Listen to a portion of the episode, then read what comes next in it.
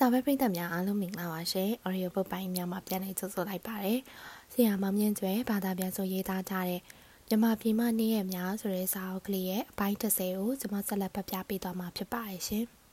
။အခန်း21ထိုနေ့သည်တင်းလုံးကျော်အစည်းအဝေးကြီးကျင်းပမည်။ဂျွန်လာတရက်နေ့ဖြစ်တော်လဲ။ယခုအချိန်ထိမိုးတပေါင်းမှမရွာသေးခြင်း။ဖလော်ရီသည်ကလတ်သို့သွားသည့်လမ်းတိုင်းလျှောက်လာစဉ် အုတ်ထုပ်နှကန်းသားအောင်မှဆွေဆောင်ပြီးကြနေသောညနေပိုင်းနေအောင်ကြည့်သည်သူ၏လေပင်ကိုနေမထိထိုင်မသာဖြစ်အောင်ပူပူလောင်လောင်နဲ့ဒုက္ခပေးနေသည်ချွေးတန်ရွှဲရွှဲဖြစ်နေသောမာလီသည်ရေထည့်ထားသောရေနံစီပုံးနှစ်ပုံကိုထမ်းပိုးဖြင့်ထမ်းရင်ရိုက်တီးရိုက်တိုင်လျှောက်လာသည်မာလီသည်ရေပုံးကိုအောက်ချကာဖလော်ရီအားဆက်လန်ပေးလိုက်သည်ဘလို့လဲမာလီမိုးကရွာအောင်မလားမာလီကအနောက်ဘက်သို့လက်နဲ့ပြလိုက်ရင် တောင်တွေကမိုးရေတွေကိုစီပန်ထားလိုက်ကြပြီသခင်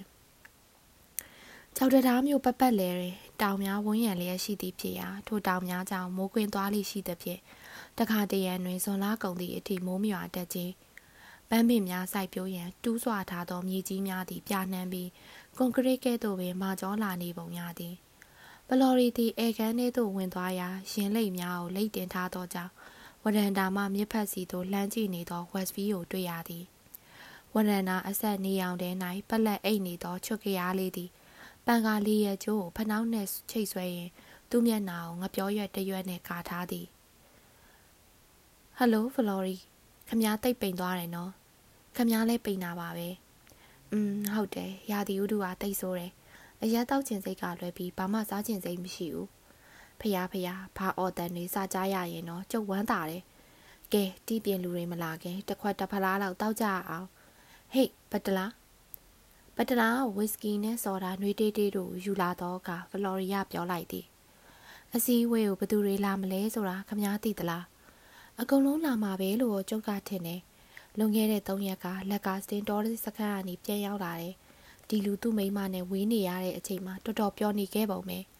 ကျုပ်ရဲ့ရာဇဝတ် inspector ကသူ့ရဲ့တစ်တော်စခန်းမှာဘလို့ဖြစ်ပျက်နေတယ်ဆိုတာကိုပြောပြတယ်အပြတ်မာတွေအများကြီးပဲတဲ့ ကြောက်တတားတကူးတကာမှားထားတာပဲဖြစ်ရမယ်။သူ့အမျိုးသမီးဟာကလက်ကငွေတောင်းခံလွှာအောင်မြင်လာရတဲ့အခါသိသွားမှာပဲ။၁၄ရက်အတွင်းမှာသူ့စခန်းကိုဝီစကီဆက်တပလင်းပို့ပေးခဲ့ရတယ်လေ။ဟိုချတိတ်ပါရောကောလာမလား။ "तू ကယာယီမှန်ပါပဲဥစ္စာလာမယ်မထင်ပါဘူး။မတ်ဝဲလဲဒီကိုလာမှာမဟုတ်ဘူး။ तू စခန်းကိုမခွာနိုင်သေးဘူးလို့ပြောတာပဲ။တကယ်လို့မဲခွဲစရာတွေဘာတွေရှိတယ်ဆိုရင် Alice ကသူ့ကိုစားမဲပေးနိုင်တယ်လို့မှားထားတယ်။ ဒါပေမဲ့မဲပေးစရာကိစ္စတော့ရှိမယ်မထင်ပါဘူးသူတို့နှစ်ယောက်စလုံးသည်ထိုကိစ္စနှင့်ပတ်သက်၍စကားများခဲ့ကြသည်များကိုပြန်တတိရလာတော့ကြောင့်သူကဖလော်ရီအားမတိမတာလှမ်းကြည့်လိုက်သည်အဲ့ဒါဘဂရီကာနဲ့ပဲဆိုင်လိုက်မယ်ထင်တယ်ကျုပ်ဆိုလိုတာတပုံထမှုတွေဘာတွေဖြစ်ပြီးတဲ့အခုလိုအချိန်မျိုးမှာမက်ဂရီကတိုင်းရင်းသားတယောက်ကိုကလတ်ထဲဝင်ခွင့်ပေးဖို့ကိစ္စမပြောသင့်ဘူးအချိန်လည်းမဟုတ်သေးဘူးလို့ဆိုလိုတာပါ ဒါနဲ့စကားမဆက်အဲ့ဒီတပုံထားတဲ့ကိစ္စဘလို့လဲဖလော်ရီယာမေးလိုက်သည်သူသည်ဒေါက်တာအားကလပ်မန်ပါအဖြစ်လက်ခံရေးကိစ္စကိုစမပြောချင်သေးပြဿနာပေါ်မီမှာအမှန်ပင်ဖြစ်သည်ဖြင့်သူကကနာတပြုတ်အေးချမ်းချမ်းနေလိုသေးသည်နောက်ထပ်ဘာသတင်းရသေးလဲသူတို့ကနောက်တစ်ချိန်ထပ်ချဖို့စူးစမ်းကြမှာလားစူးစမ်းလိုက်မယ်လို့ခမားထင်သလားမဖြစ်တော့ပါဘူးအားလုံးပြီးသွားပါပြီထုံးစံအတိုင်းချက်ချင်းအရှုံးပေးသွားကြတယ်စိတ်ပြက်စရာပဲ ဖလော်ရီကအနှဲငယ်ရင်ခုန်လာသည်သူသည်တစ်ဖက်ခန်းမှအဲလစ်ဘတ်၏အတန်ကိုကြားလိုက်ရသည်ထိုခိုင်မက်ဂရီကအခန်းထဲသို့ဝင်လာသည်အဲလက်စ်နဲ့လက်ကစင်းလဲနောက်ကပါလာသည်ကလပ်တွင်အမျိုးသမီးများမဲပေးပိုင်ခွင့်မရှိသောကြောင့်လူအလုံးစုံပြီးဟုဆိုရမည်မစ္စတာမက်ဂရီကသည်ပိုးသားအင်ကြီးကိုဝတ်ဆင်ပြီးကလပ်၏ငွေစည်းရင်းစာအုပ်များကိုယူဆောင်လာသည်သူသည်ကလပ်အစည်းအဝေးလိုနေရာမျိုးမှာပင်ရုံသဘောတောက်ဝင်အောင်ပြုလုပ်တတ်သူဖြစ်သည်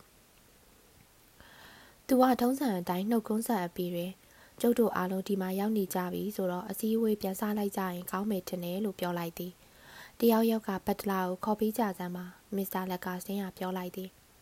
ကျုပ်လန်းခေါ်တာကိုကျုပ်မိမကြားလို့မဖြစ်ဘူးအစည်းအဝေးမစခင်နှစ်ဝက်ငွေစည်းရင်းရှင်းနှံကိုခမားတို့ကြားကျင်ကြားလိမ့်မယ်ထင်တယ်အားလုံးကအယက်မှားလိုက်ကြတော့လဲမက်ဂရီကအယက်မမှာပါငွေစည်းရင်းရှင်းနှံဖတ်ကြားသည့်ကိစ္စကိုအားလုံးကမကြားကျင်ကြတော့လဲ ထိုကိစ္စမျိုးဆောင်ရွက်ရသည်ကိုအရသာတွေးပုံရသောမစ္စတာမက်ဂရီကာကငွေစည်းရင်းရှင်းတန်းကိုစိတ်စိတ်ဆက်ဆက်ဖတ်ပြလိုက်သည်ဘလော်ရီအတွေးများသည်ပြန့်လွင့်နေသည်မကြမီအကြီးအကျယ်စကားများကြပေတော်မူသူကနောက်ဆုံးတွင်ဒေါက်တာဘာယာစွာမိအားအဆိုပြုလိုက်သောအခါအားလုံးကစိတ်ဆိုးကြလိမ့်မည်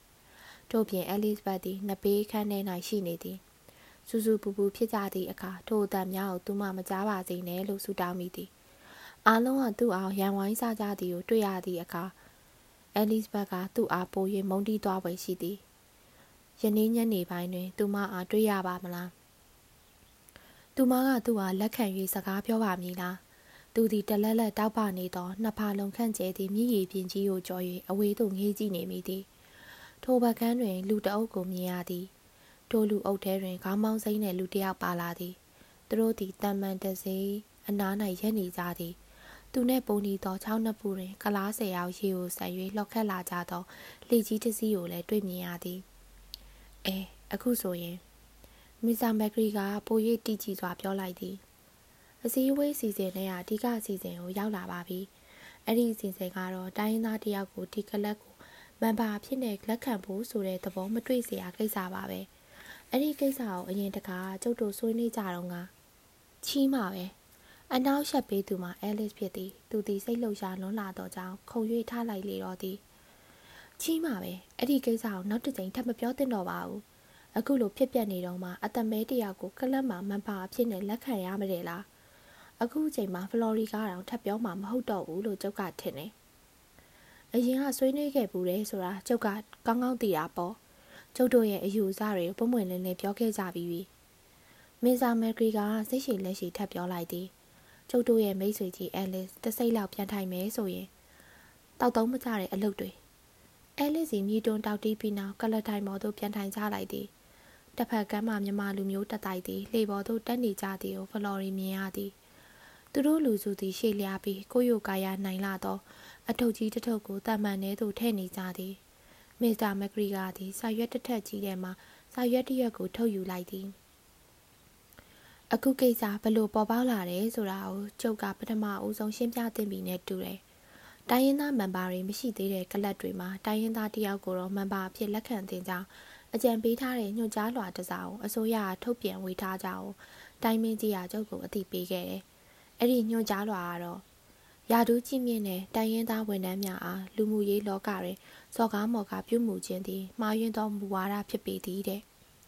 ကျုပ်ကအဲ့ဒီအယူဆနဲ့သဘောထားချင်းလုံးဝမတိုက်ဆိုင်ပါဘူး။အားလုံးကလည်းလက်ခံကြမှာမဟုတ်ပါဘူး။တိုင်းမင်းကြီးကလည်းကျုပ်တို့နဲ့သဘောထားချင်းတိုက်ဆိုင်ပါတယ်ဒါပေမဲ့အဲ့ဒါကတော့ဟုတ်ကုန်မဟုတ်ဘူး။အဲလစ်ကဖြတ်ပြောလိုက်သည်။ဒီကိစ္စမှာတိုင်းမင်းကြီးနဲ့ပဲဖြစ်ဖြစ်တခြားဘသူနဲ့ပဲဖြစ်ဖြစ်မဆိုင်ပါဘူး။ကျုပ်တို့ကလပ်မှာကျုပ်တို့လှုပ်ချင်တယ်လို့လှုပ်ပိုင်ခွင့်ရှိရမှာပေါ့။ကျုပ်တို့ကိုတာဝန်ချိန်ပြင်ပမှာဘာလုပ်ရမယ်လို့ညွှန်ကြားခွင့်မရှိဘူး။သိဟုတ်တာပေါ့။ ဝက်စဖီးကထောက်ခံလိုက်သည်။ကျုပ်ကလည်းအဲ့ဒါကိုမျှော်လင့်မိသားပါ။အဲ့ဒီကိစ္စကိုမန်ပါတွေအားလုံးကတင်ပြရလိမ့်မယ်လို့ကျုပ်ကတိုင်းမင်းကြီးကိုအစီရင်ခံပြီးပြီ။သူခိုင်းလိုက်တဲ့လုံထုံးလုံနီကတော့အဲ့ဒီအဆိုထောက်ခံမဲ့သူတယောက်လောက်ရှိခဲ့ရင်ကျုပ်တို့ကတိုင်းရင်းသားတယောက်ကိုမန်ပါဖြစ်နေလက်ခံသင့်ပါတယ်တဲ့။ဒါမှမဟုတ်ကလပ်မန်ပါတွေအားလုံးဟာဒီကိစ္စကိုတညီတညွတ်တဲ့လက်မခံကြဘူးဆိုရင်ဆက်ပြီးမဆွေးနွေးပဲနေနိုင်ပါတဲ့။တညီတညွတ်သေးပါပဲဗျာ။ အဲလစ်ကပြောလိုက်သည်။တိုင်းရင်းသားတယောက်ကိုကလပ်မှာလက်ခံဖို့လက်မခံဖို့ဆိုတာကျုပ်တို့တွေနဲ့ပဲဆိုင်တယ်လို့ဆိုလိုတာလား။ဝက်စဖီးကပြောလိုက်သည်။အဲ့လိုဆိုလိုတယ်လို့ယူဆနိုင်ပါတယ်။ကောင်းပြီလေကျုပ်တို့အားလုံးကကန့်ကွက်တယ်လို့ပြောကြအောင်။ပြောမယ်ဆိုရင်လည်းလေးလေးနက်နက်ပြောကြဗျာ။ကျုပ်တို့ကအဲ့ဒီစိတ်ကူးလေးကိုတစ်ချိန်နဲ့နဲ့အဆုံးသတ်ပြစ်လိုက်ခြင်းနဲ့ကြားကြတယ်မဟုတ်လားပြိုလူမဲတွေကိုမောင်းထုတ်ကြရအောင် ဒီကိစ္စမျိုးတွင်မစ္စတာလက်ကာစတင်ကလက်မထောက်ခံမီကိုမစိုးရင်ရပါသူ့နှလုံးသားဗြိတိရှမျက်နှာဖြူများကိုအစွဲလန်းသိပ်ထားသူမဟုတ်သူသည်လူပြူများနဲ့အရက်အတူတူတောက်ရွေရတယ်လို့အရှိတိုင်းသားများနဲ့လည်းအတူတူရက်တောက်ရန်ဝင်မလေးသူဖြစ်သည်သူသည်အရက်အနှင်းငယ်တောက်တတ်တော်လဲအစိုးရအောင်တစ္ဆာရှိသည်ဟုဂုဏ်ယူသူဖြစ်သည်ထိုကိစ္စကိုအားလုံးကသဘောတူကြသောကြောင့်မစ္စတာမက်ဂရီကာသည်ရင်ထဲကကြိတ်၍ဝမ်းသာသွားသည် တိုင်းရင်းသားတယောက်ယောက်ကိုမန်ပါအဖြစ်လက်ခံတော်မူဆိုပါကထိုမန်ပါသည်ဒေါက်တာပါယာစွာမိသားဖြစ်ပေလိမ့်မည်တို့ရရင်တန်တရားဖြစ်စရာကောင်းလာအောင်ရွှေအိုးတယောက်အချင်းတောင်မှလွတ်မြောက်သွားချိန်မှစ၍သူသည်ပါဒေါက်တာပါယာစွာမိအားဆူဆူရွရွတန်တရားဝင်လာခဲ့သည်မက်ဂရီကာကပြောလိုက်သည်ဒါဆိုရင်ခမားတို့အားလုံးကအတော်ဘောတူကြတယ်လို့ကျုပ်ကယူဆလိုက်တော့မယ်ဒီလိုဆိုရင်ကျုပ်တိုင်းမင်းကြီးကိုအစီရင်ခံလိုက်မယ်ဒါမှမဟုတ်ရင်တော့ရွေးချယ်မဲ့မန်ပါကိစ္စကိုအခုချိန်အားစပြီးဆွေးနွေးရလိမ့်မယ် ဖလော်ရီယာမတ်တက်ထားရလိုက်သည်သူပြောစရာရှိသည်တို့ပြောရပြီးတော့မည်သူနှလုံးသည်လေချောင်းထဲသို့တက်လာပြီးလေချောင်း၌တစ်ဆို့နေပုံရသည်မစ္စတာမက်ဂရီကပြောပုံအရာဆိုရင်သူကစကားပြောလိုက်ရုံနဲ့ဒေါက်တာပါယာစွာမိမန်မာဖြစ်ရေးကိစ္စကိုဆောင်ရွက်ပေးနိုင်မည့်အနေအထားတွင်တည်ရှိနေသည်တို့ရရင်စိတ်ပြည့်စရာကောင်းလာအောင်တယောက်တစ်ပြန်ပြောရပေတော့မည်ဒေါက်တာကိုဂတိမပေးခဲ့မိရင်ကောင်းနေစွာဘာပဲပြောပြောသူကဂတိပေးခဲ့မိပြီဖြစ်တဲ့ပြင်မဖြတ်နိုင် မကြသိမီကားဆိုရင်သူသည်ထိုဂတိကိုလွယ်လွယ်နဲ့ဖြတ်ပစ်ပေးလိမ့်မည်တို့ရရင်ယခုအချိန်တိုင်းသူဂတိကိုမဖြတ်နိုင်သူသည်ထိုကိစ္စကိုဆုံးခန်းတိုင်သည့်အထိဆောင်ရွက်ပေးလိမ့်မည်သူသည်မျက်နှာပေါ်မှအမဲမှတ်ကိုပရိသတ်မမြင်အောင်မျက်နှာကိုတစ်ဖက်သို့လှည့်ထားလိုက်သည်သူ့အတန်သည်၆ကက်ကက်နဲ့အပြည့်ရှိသူတယောက်အတန်ပမာဖြစ်နေကြောင်းသူခံစားလိုက်ရသည်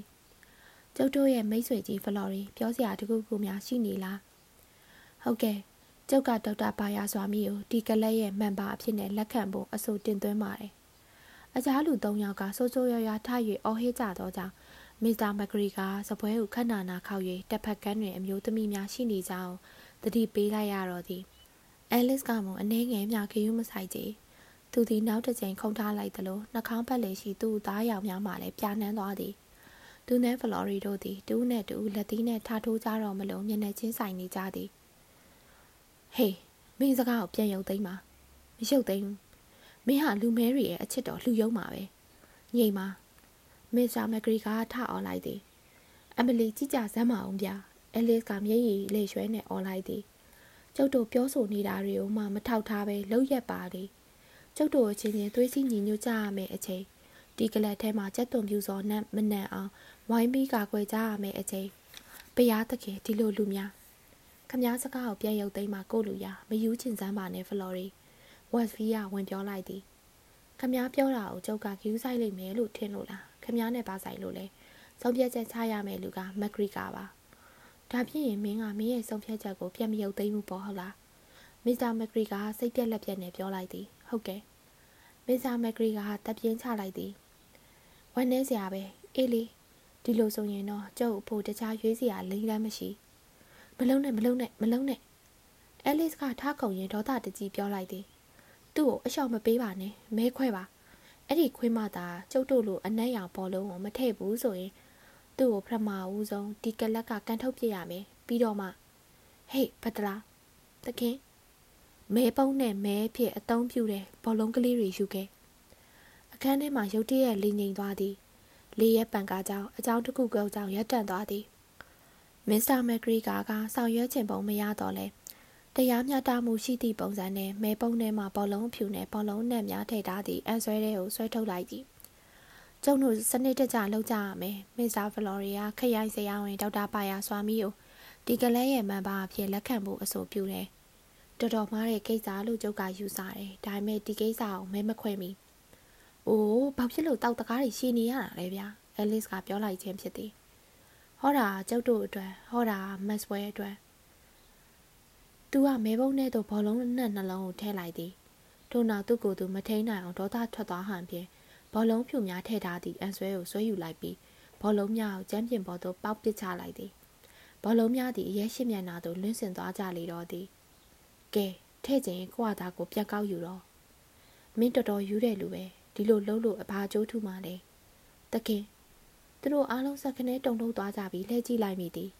အောက်ဘက်မှဝရန်တာပေါ်တွင်တွေ့ကပ်ပြီးတက်လာသောချုပ်ကရားကလေးသည်ဝရဏလက်ရန်ပေါ်မှနေ၍သူတို့အားပြုတုပြဲတဲ့နဲ့ကြည်နေကြသည်သူကလက်တစ်ဖက်နဲ့လက်ရန်ကိုစုပ်ကင်ထားပြီးကြံလက်တစ်ဖက်နဲ့မျက်စီသို့ထိုးပြနေသည်တခင်တခင်ဘာဖြစ်တာလဲကွဝက်စဗီကပြောလိုက်သည်သူတို့အားလုံးပဒင်းစီသို့ထသွားကြသည်ဖလော်ရီယာမြစ်တစ်ဖက်ကမ်းတိုင်းမြင်နေရသောတံမှန်သည်မြက်ခန်းဆန်ကမ်းနဘေးပေါ် သို့ဆိုက်ရောက်လာသည်ကိုတွေ့ရပြီးလူတစ်ယောက်ကလိငိမ်အောင်ခြုံပုတ်ကိုထိမ့်၍ထားလိုက်သည်ခေါင်းပေါင်းစိမ့်နဲ့မြမသည်လေပေါ်မှဆင်းလိုက်သည်အဲ့ဒါမတ်ဆွေရဲ့တောအုပ်တယောက်ပဲဖះဖះတခုခုတော့ဖြစ်ပြီနဲ့တူတယ်အဲလစ်ကပြောလိုက်သည်တောကောင်းသည်မစ္စတာမက်ဂရီကာကိုပြင်သည်နဲ့တပြိုင်နက်လက်အုပ်ချပြီးတမန်စီသို့ကမန်းကနန်းပြန်လှည့်သွားတော့သည်တောသားလေးယောက်သည်လေပေါ်မှဆင်းလိုက်ကြပြီးဖလော်ရီမြင်ခဲ့သောအထူးဆန်းအထုပ်ကြီးကို ကမ်းပေါ်သို့ခဲခဲရင်းရင်းတင်ယူလာကြသည်အထုပ်ကြီးမှာ6ပေရှိပြီးဤချင်းမှာစေးစိမ်မာမီရုပ်အလောင်းကြီးလိုပတ်ထားသည်လူတိုင်းရင်ထဲတွင်အော်ဂလီဆန်လာကြသည်တောကောက်သည်ဝန္ဒနာစီသို့လှမ်းကြည့်လိုက်ပြီးနောက်အပေါ်သို့တက်နိုင်သောအကြောင်းလမ်းနီးလမ်းမရှိသောကြောင့်တွေးလိုက်ရသည့်အခါဒေါသားကြီးများကိုကလေး၏မျက်နှာစာတစ်ဖက်သို့ရောက်ကွိတ်ပတ်၍ခေါ်သွားလေတော့သည်သူတို့ကထိုထုတ်ကြီးကိုခေါင်းတစ်လုံးအားထမ်းလာသလို ပကုံးပေါ်တွင်ထမ်းလာကြသည်မျက်နှာပြက်နေသောပတ်တလာသည်အဲကန်ထဲသို့လက်ခနဲဝင်လာသည်ပတ်တလာမစ္စတာမဂရီကခက်ငေါငေါနဲ့ခေါ်လိုက်သည်တခင်ခက်မြင်မြန်သွားပြီးဖေးရိုက်တဲ့အခန်းတကားကိုပိတ်လိုက်စမ်းပွင့်မသွားစေနဲ့တခင်မလေးတွေမမြင်စေနဲ့ကောင်းပါပြီတခင်လေးလံသောအထုပ်ကြီးကိုထမ်းလာသောမြမများသည်စင်းညံလန်းအတိုင်းလေးလေးပင်ပင်လျှောက်လာသည်သူတို့အဲကန်ထဲသို့ဝင်လာစဉ်ကျမ်းမြေပေါ်တွင်ပြန့်ကျဲနေသောဘောလုံးဖြူတစ်လုံးကို ရှေ့ဆုံးလူဟာတက်နေမိသဖြင့်ရိုက်တီးရိုက်တိုင်းနဲ့ချော်လဲတော့မလို့ဖြစ်သွားရသေးသည်မြမလေးရောက်သည်ပခုံးပေါ်မှအထုပ်ကြီးကိုဒူးထောက်၍ချလိုက်ပြီးအနှင်းငယ်ကောင်းငုံကလက်အုပ်ချီထားလိုက်သည်ဝက်စဗီကဒူးထောက်ထိုင်ကအဝိစာကိုဆွဲလန်လိုက်ကြသည်ဖះကြီးကြည်ပါဦးသူကအံ့အားအံ့ဩပုံမရပဲပြောချလိုက်သည်မစ္စတာလက်ကစင်းသည်အခန်းတောင်သို့ဆုတ်သွားသည်ထိုအထုပ်ကြီးကိုကမ်းပေါ်သို့တင်လိုက်စဉ်အချိန်မှစ၍ အထုပ်ထဲ၌မိသည့်အရာပါရှိကြောင်းအားလုံးကသိနေကြသည်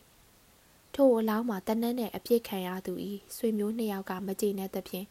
ဓာနှင့်အစိတ်စိတ်အမှောင်မှာမှုန်၍တတ်ထားသောမတ်ဆွဲ၏ရုပ်အလောင်းဖြစ်ပေသည်အခန်း22မတ်ဆွဲအသက်ခံရမှုကြောင့်ကြောက်တရားမျိုး၌အကြီးအကျယ်တုံလုံးကြောက်ကြသွားခဲ့သည်ထိုကိစ္စသည်မြန်မာတနိုင်ငံလုံးသို့ပြန့်နှံ့သွားစေမည်အပြင် မတ်ဆွဲ၏နာမည်ကိုမေ့သွားကြပြီးနောက်ပိုင်း၌ပင်နှစ်ပေါင်းများစွာဆက်၍ပြောဆိုကြမည်ကိစ္စဖြစ်ပေသည်တို့ရရီပုတ်ကိုရေးအရာဆိုပါကညီသူမှကြီးကြီးကျယ်ကျယ်ဝမ်းနည်းကြေကွဲမှုမဖြစ်ခဲ့ကြပါမတ်ဆွဲသည်အညာတရမျက်နှာဖြူတယောက်သာဖြစ်သည်မြန်မာနိုင်ငံတွင်ရှိသောမျက်နှာဖြူများအနက်ရင်းရင်းနှီးနှီးတငယ်ချင်းမိတ်ဆွေမရှိသည့်လူကောင်းတယောက်မျှသာဖြစ်သည်မျက်နှာဖြူများတဲ့တွင်သူ့အတွက်စိတ်ရောကိုယ်ပါဝမ်းနည်းပူဆွေးသူတူဦးတလီမျှမရှိခဲ့ပါ တို့ရရင်ထိုကိစ္စအတွက်ဒေါသမဖြစ်ကြဟုမဆိုလိုပါအမှန်ပြောရပါကထိုခိုက်တန်တွင်သူတို့အားလုံးသည်ဒေါသကြောင့်ယူနှမ်းတလို့ဖြစ်နေကြသည်မျက်နှာဖြူတယောက်အသက်ခံရမှုမှာခွင့်လွှတ်နိုင်စရာကိစ္စမဟုတ်ပါထိုကိစ္စကြောင့်အရှိတိုင်းမှာမျက်နှာဖြူများအားလုံးတုံလုံးချောက်ချသွားကြသည်မြန်မာနိုင်ငံတွင်လူသတ်မှုကြောင့်နှစ်စဉ်လူရှိရာကျော်တိတ်ဆုံးနေကြတော့လေအရေးထားစရာမဟုတ်ပါမျက်နှာဖြူတယောက်အသက်ခံရခြင်းကတော့အင်မတန်ရုံမာ၍ ရက်ဆက်ကြမ်းကြုတ်သောကိစ္စဖြစ်သည်မပြစ်မှားအပ်သူကိုစော်ကားခြင်းပင်ဖြစ်သည်မတ်ဆွဲအတွက်ကလတ်စားချေရလိမ့်မည်ဟုသိကြသည်မတ်ဆွဲ၏အစီခံတယောက်နှစ်ယောက်နှင့်အလားကိုတိတ်လာသောမတ်ဆွေးကိုအလွန်ချစ်ခင်သည့်တောကောင်းတို့ဟာသာမတ်ဆွဲအတွက်မျက်ရည်ကျကြပေသည်သို့တော့ဥဖိုးချင်းကလွယ်ရင်မိသူမှဝမ်းမသာကြပါ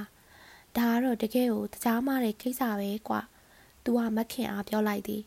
ငါတော့တန်းရာထက်ပိုကောင်းအောင်စီစဉ်နိုင်မှာမဟုတ်ဘူး ငါစီစဉ်ခဲ့တဲ့ပုံကံမှုကိုလေးလေးစားစားလက်ခံလာအောင်သွေးထွက်တန်ယူနည်းနည်းတော့ဖြစ်ဖို့လိုတယ်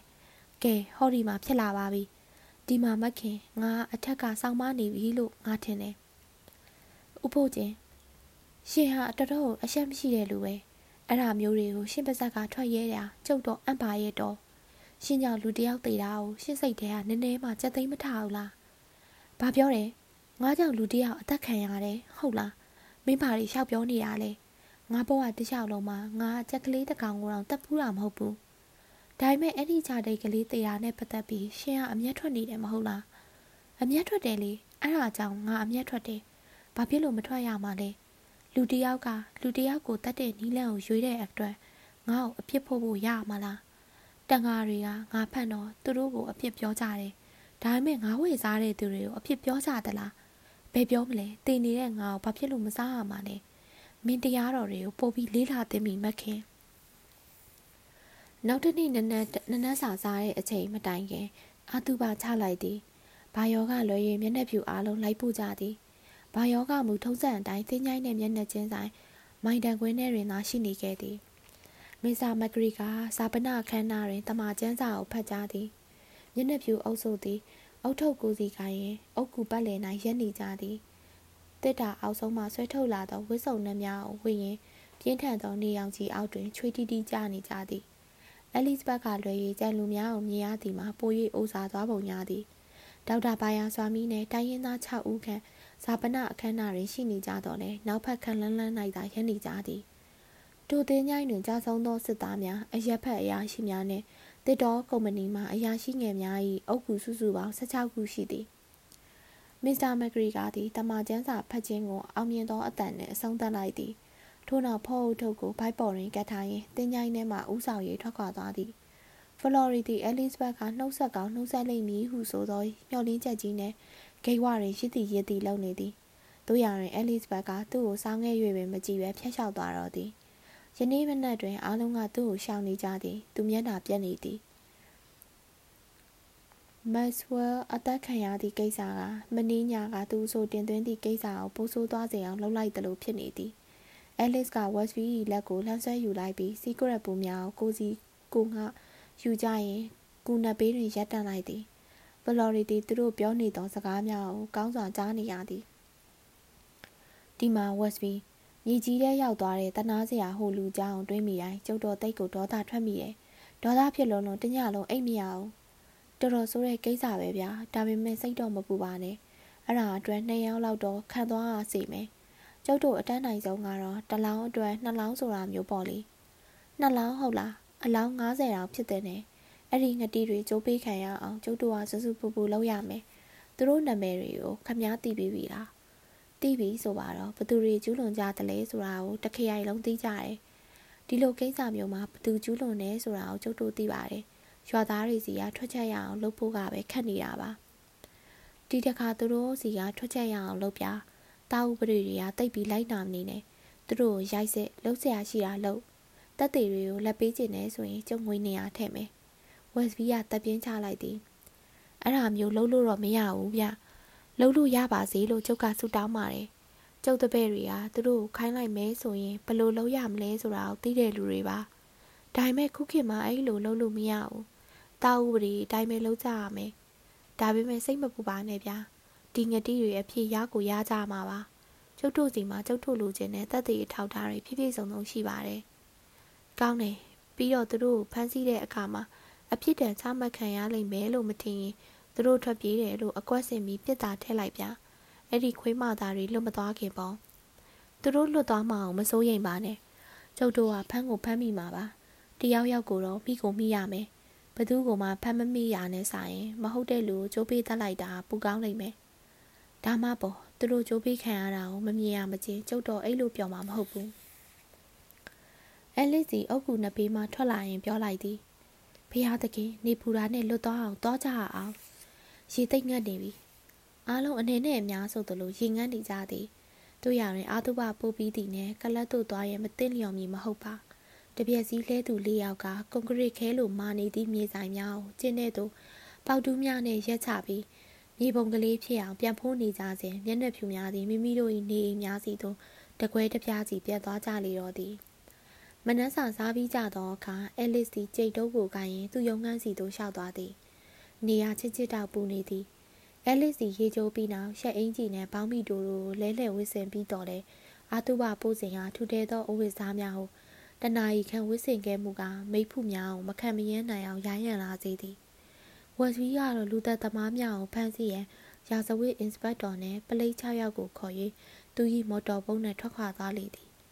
သူဟာဘာရောအားသူနဲ့အတူလိုက်ခဲ့ရမည်ဟုအမိန့်ပေးခဲ့သည်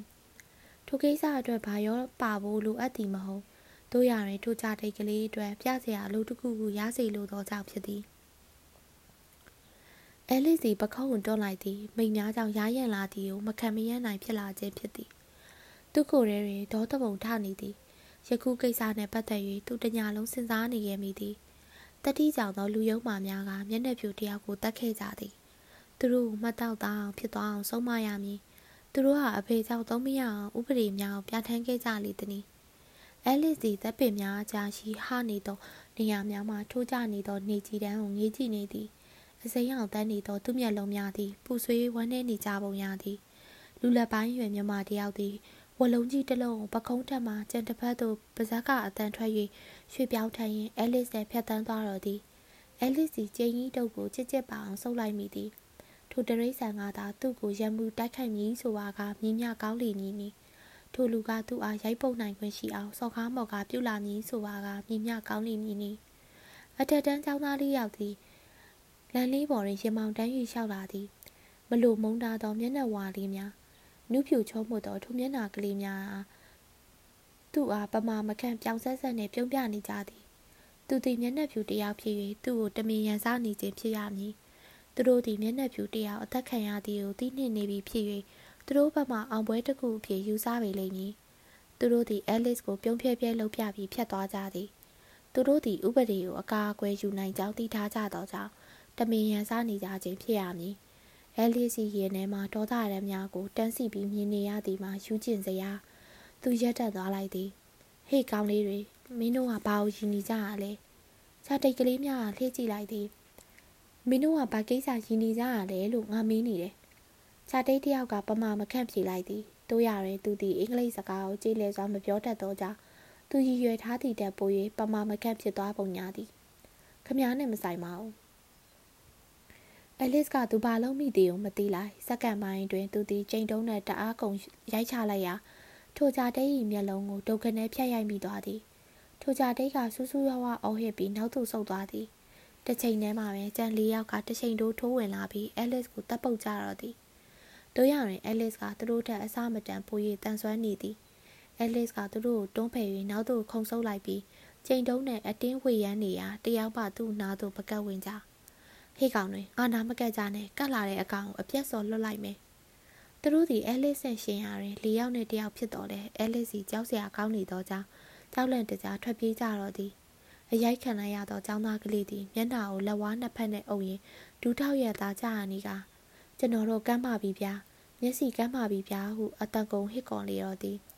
ချက်ချင်းဆိုသလိုပင်ကြံလေးယောက်ကပြန်လဲလာပြီးလမ်းပြင်ရန်ပုံထားသောခိုင်း20အကွာရှိဂဝွန်ကြောက်ခဲပုံစီသို့ပြေးသွားကြလေတော့သည်အဲလစ်စီစိတ်ရေးတယောက်သည်ဝရဏမှပေါ်လာပြီးစိတ်လှုပ်ရှားလွန်၍ဟိုပြေးတီပြေးဖြစ်နေသည်အပေါ်ကိုတက်ခဲ့ပါသခင်အခုချက်ချင်းတက်ခဲ့ပါ သူတို့ကသခင်ကိုဝိုင်းသက်ကြလိမ့်မယ်အဲလစ်စီရုပ်ပြက်စင်ပြက်ထွက်မပြေးပါတို့ရတွေဝရဏလှေကားစီသို့ရှောက်လာခဲ့တော့သည်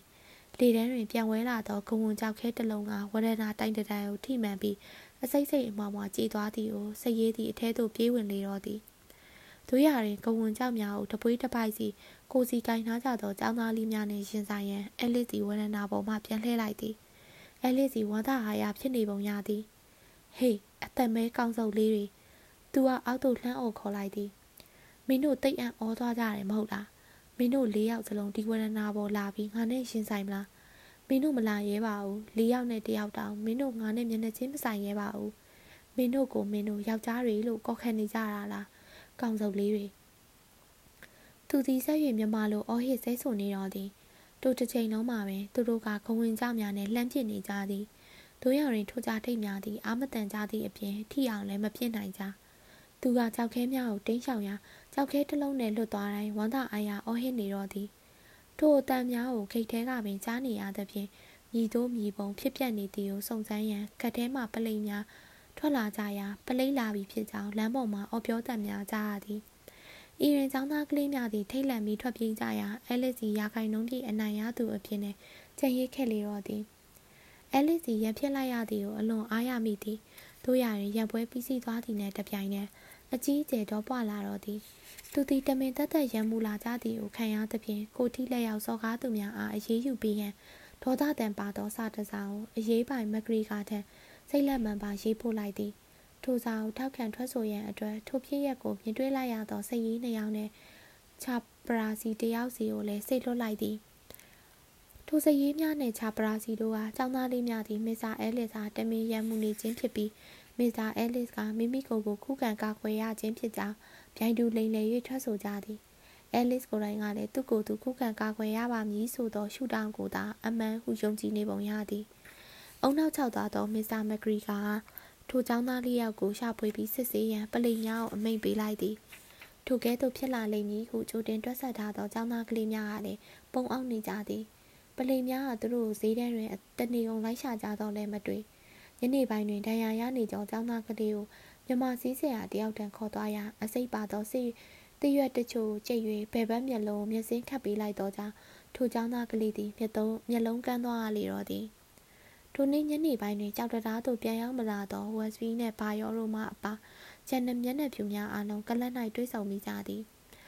လူတိုင်းစိတ်တူနေကြသည်မတ်ဝဲအသက်ခံရသည့်ကိစ္စပေါ်ပေါက်လာပြီးနောက်အဲလစ်အားတမင်တသက်ရမှုမှု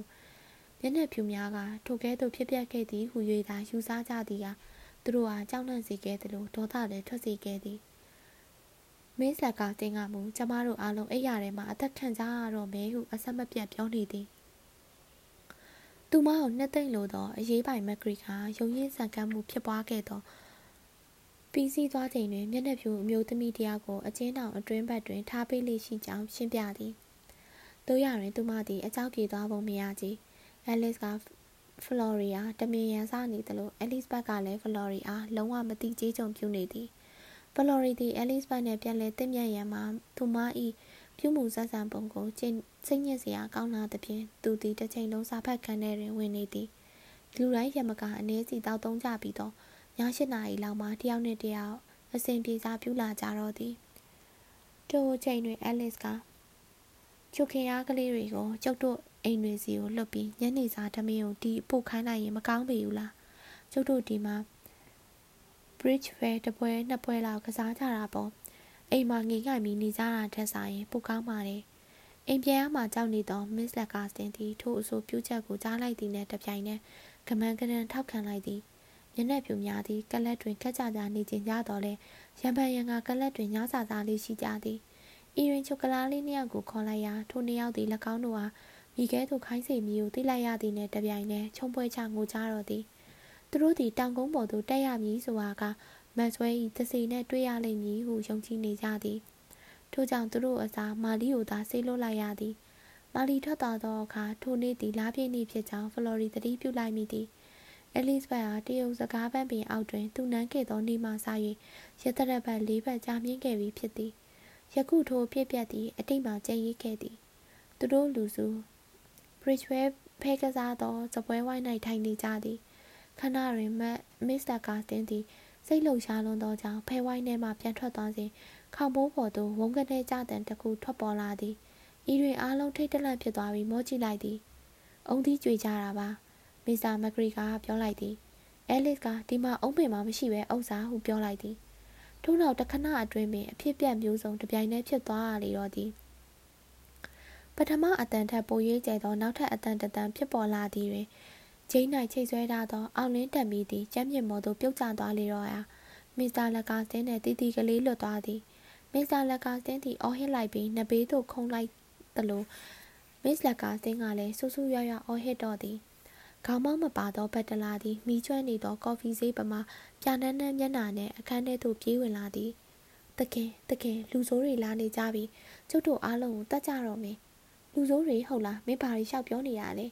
ရွာသားတွေအားလုံးပြင်မာရောက်နေပြီတခင်သူတို့လက်ထဲမှာဒုတ်တွေဓားတွေနဲ့အော်ဟစ်ခုံပေါက်နေကြတယ်တခင်တို့ရဲ့မျက်နှာကိုဓားနဲ့လီးကြလိမ့်မယ်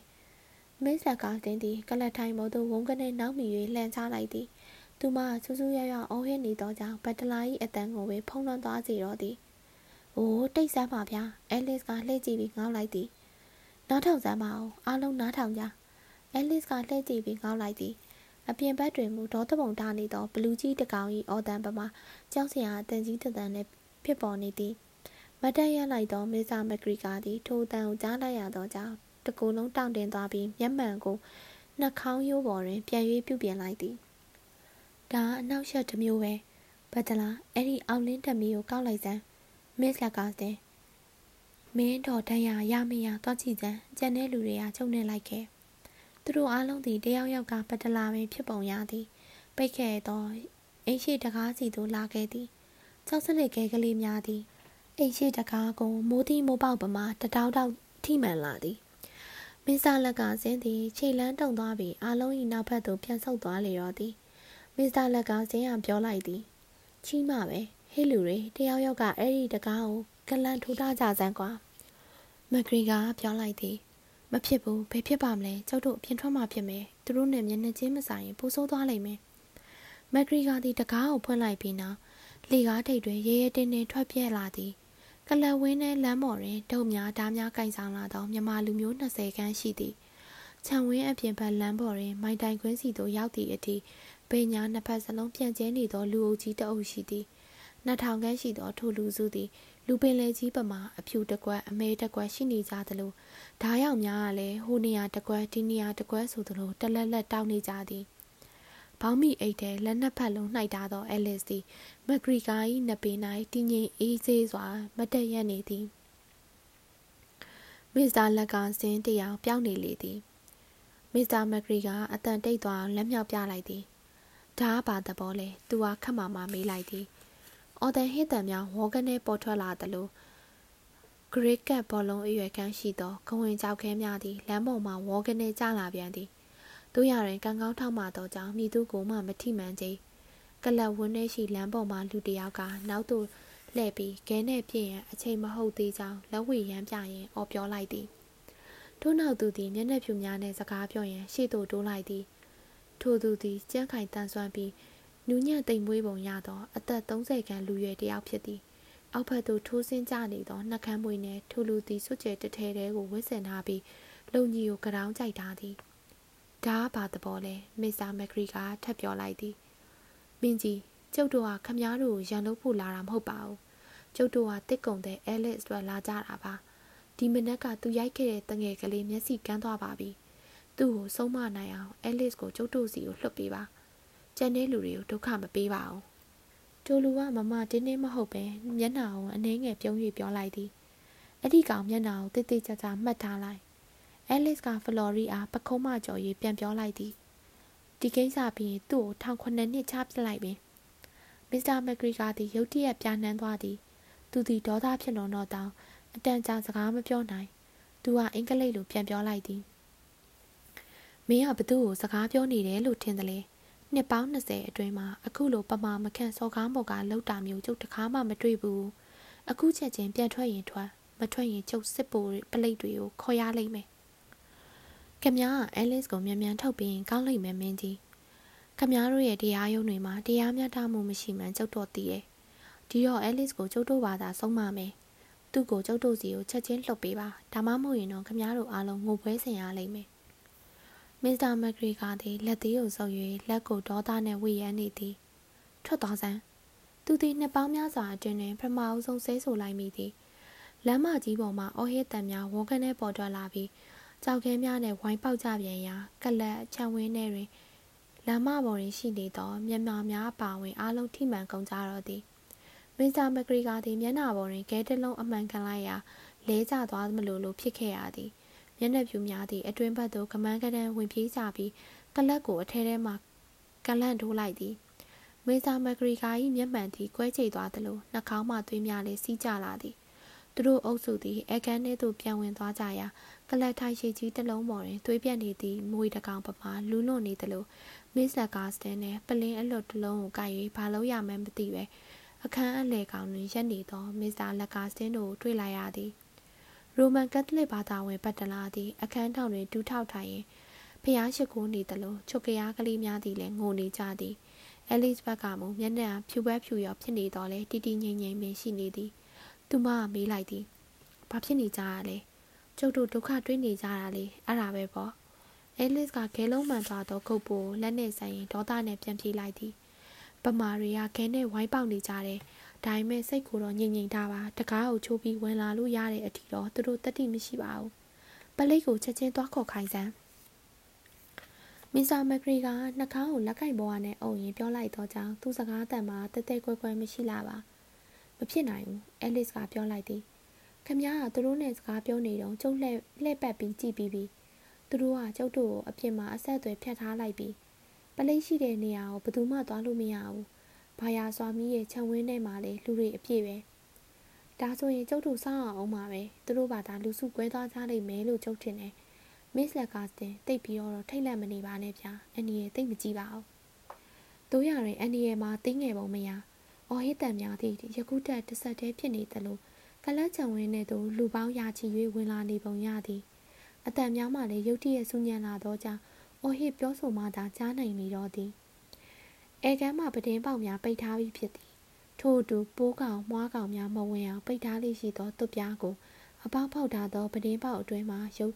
တရုတ်ကတကားများကိုပါဂလန်ထိုးပြီးပိတ်ထားသည်ပဒင်းပေါက်များကျိုးပဲကုန်သောကြောင့်တကြွကြွမြည်တမ်းများလည်းထွက်ပေါ်လာသည်နေရန်များပေါ်တွင်အဆက်မပြတ်ထိမှန်နေသောခဲတံများအောင်ပါလွှတ်သောတစ်သားနေရန်များအားဒုက္ခနေစေသလိုပွင့်ထွက်သွားတော်မူလို့လည်းတွေ့ရသည်အဲလစ်စီတရုတ်ကလပ်တစ်ခုကိုဖွင့်လိုက်ပြီးနောက်အုပ်လူ နောက်လူအုပ်ထဲသို့ပလင်းတစ်လုံးကိုခရမ်းရမ်းပစ်သွင်းလိုက်တော့လေအခန်းထဲသို့ခဲလုံးတတာစင်ခံပြန်ဝင်လာသောကြောင့်ထိုတရုတ်ကပ်ကိုကမန်းကနန်ပြန်ပိတ်လိုက်ရတော့သည်မြမများသည့်နေရန်များကိုခဲနှင့်ပေါက်ရန်နှင့်အော်ဟစ်ရန်မှတပါတခြားရည်ရွယ်ချက်ရှိပုံမပေါ်ကြ။တိုးတင်အောင်ထိုအော်တန်များသည်ကြောက်စရာကောင်းနေပေသည်မျက်နှာဖြူများသည်ထိုအတန်များကြောင့်အစားပထမတွင်ကြောက်နေကြသည်ထိုပြဿနာ၏မူလားဖြစ်သောအဲလစ်ကိုအဖြစ်တင်ရန်ပင်မတွေးမိကြ သူတို့အားလုံးရင်ဆိုင်နေရသောအန်ဒီယေကသူတို့အားစီးယုံမှုဖြစ်စေခဲ့သည်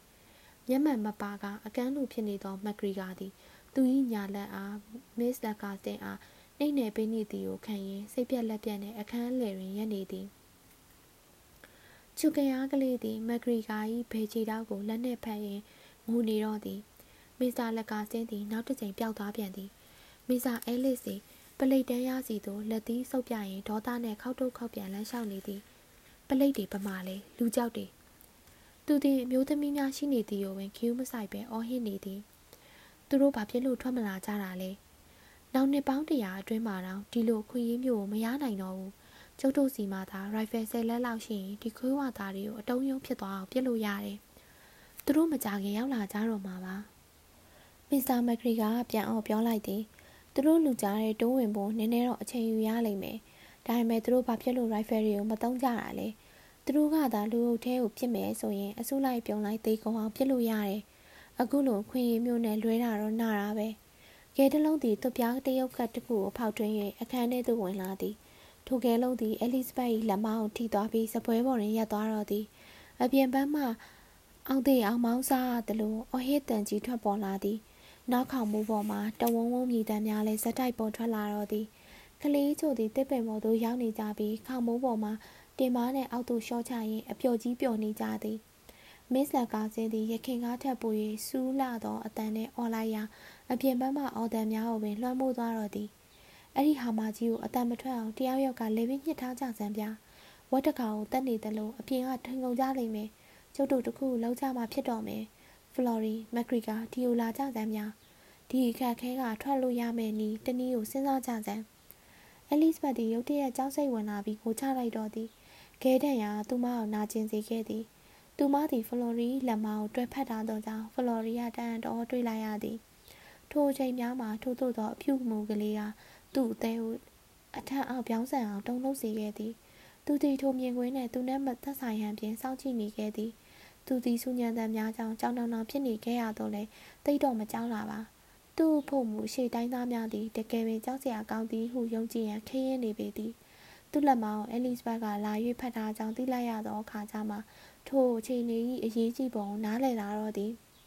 ။အိုမစ္စတာဘလော်ရီကျေးဇူးပြုပြီးတခုခုခက်မြက်မြန်လှုပ်ရှားပါ